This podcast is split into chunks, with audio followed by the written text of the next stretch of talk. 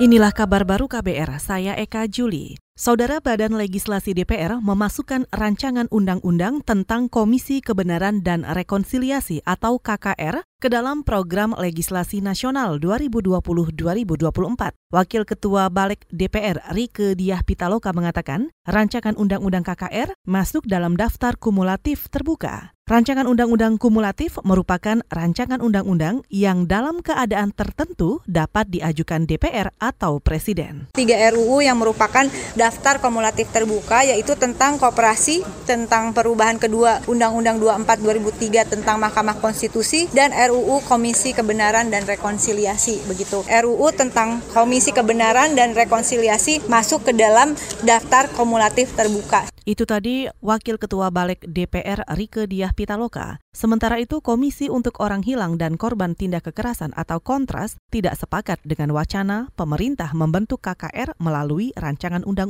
sebab dinilai bakal memakan waktu dan proses yang lama di parlemen.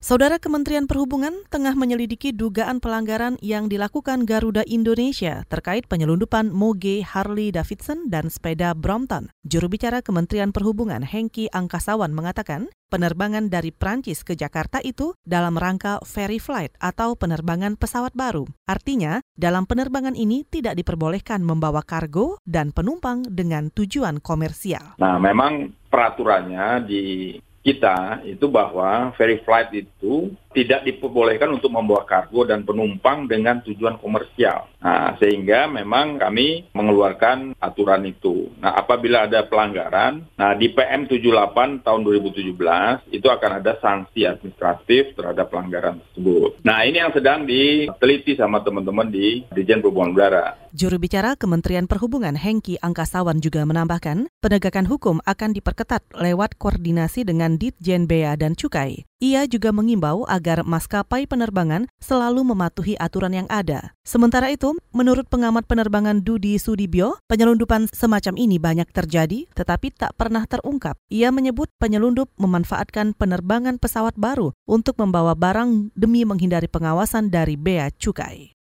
Kita ke informasi saham. Indeks harga saham gabungan atau IHSG pada Bursa Efek Indonesia hari ini menguat 0,14 persen. Informasi selengkapnya disampaikan jurnalis KBR Siti Sadida Hafsyah dari Gedung Bursa Efek Indonesia, Jakarta. Saudara Jumat ini indeks harga saham gabungan pada Bursa Efek Indonesia dibuka menguat 0,14 persen atau 8,66 poin di level 6.160,78. Jika dibandingkan nilai pada penutupan perdagangan kemarin, IHSG juga ditutup dengan penguatan 0,6 64% atau 39,24 poin di level 6152,12.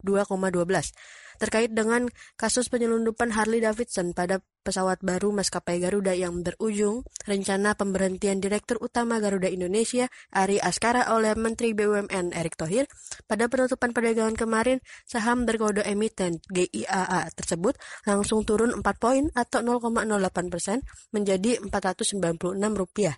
Meski pagi tadi pergerakannya mulai positif, naik ke level Rp505. Sementara itu berdasarkan data Bloomberg, nilai tukar rupiah hari ini juga dibuka menguat 37 poin atau 0,26 persen di level 14.031 rupiah per dolar Amerika Serikat setelah pada akhir perdagangan kemarin ditutup di zona hijau, naik 37 poin atau 0,26 persen ke level 14.068 rupiah per dolar Amerika Serikat. Dari Gedung Bursa Efek Indonesia, Siti Sarida Hafsyah melaporkan untuk KBR. Saudara Dinas Pengendalian Penduduk dan Keluarga Berencana atau Dinas P2KB Yogyakarta berupaya meningkatkan kepesertaan program KB. Dinas P2KB menargetkan kepesertaan di Kota Yogyakarta mencapai 73 persen. Kepala Dinas Emma Rahmi Aryani menyebut untuk mencapai target kepesertaan KB, pihaknya melakukan sejumlah kampanye dan kegiatan. Di antaranya melalui forum antar umat beragama, melakukan pendekatan ke tokoh agama, pembinaan kelompok warga, hingga pelayanan KB gratis. Emma juga menjelaskan optimalisasi upaya peningkatan kepesertaan KB juga dilakukan dengan membentuk kampung KB di wilayah. Saat ini sudah ada 33 kampung KB yang tersebar di 14 kecamatan. Lima di antaranya adalah kampung KB mandiri.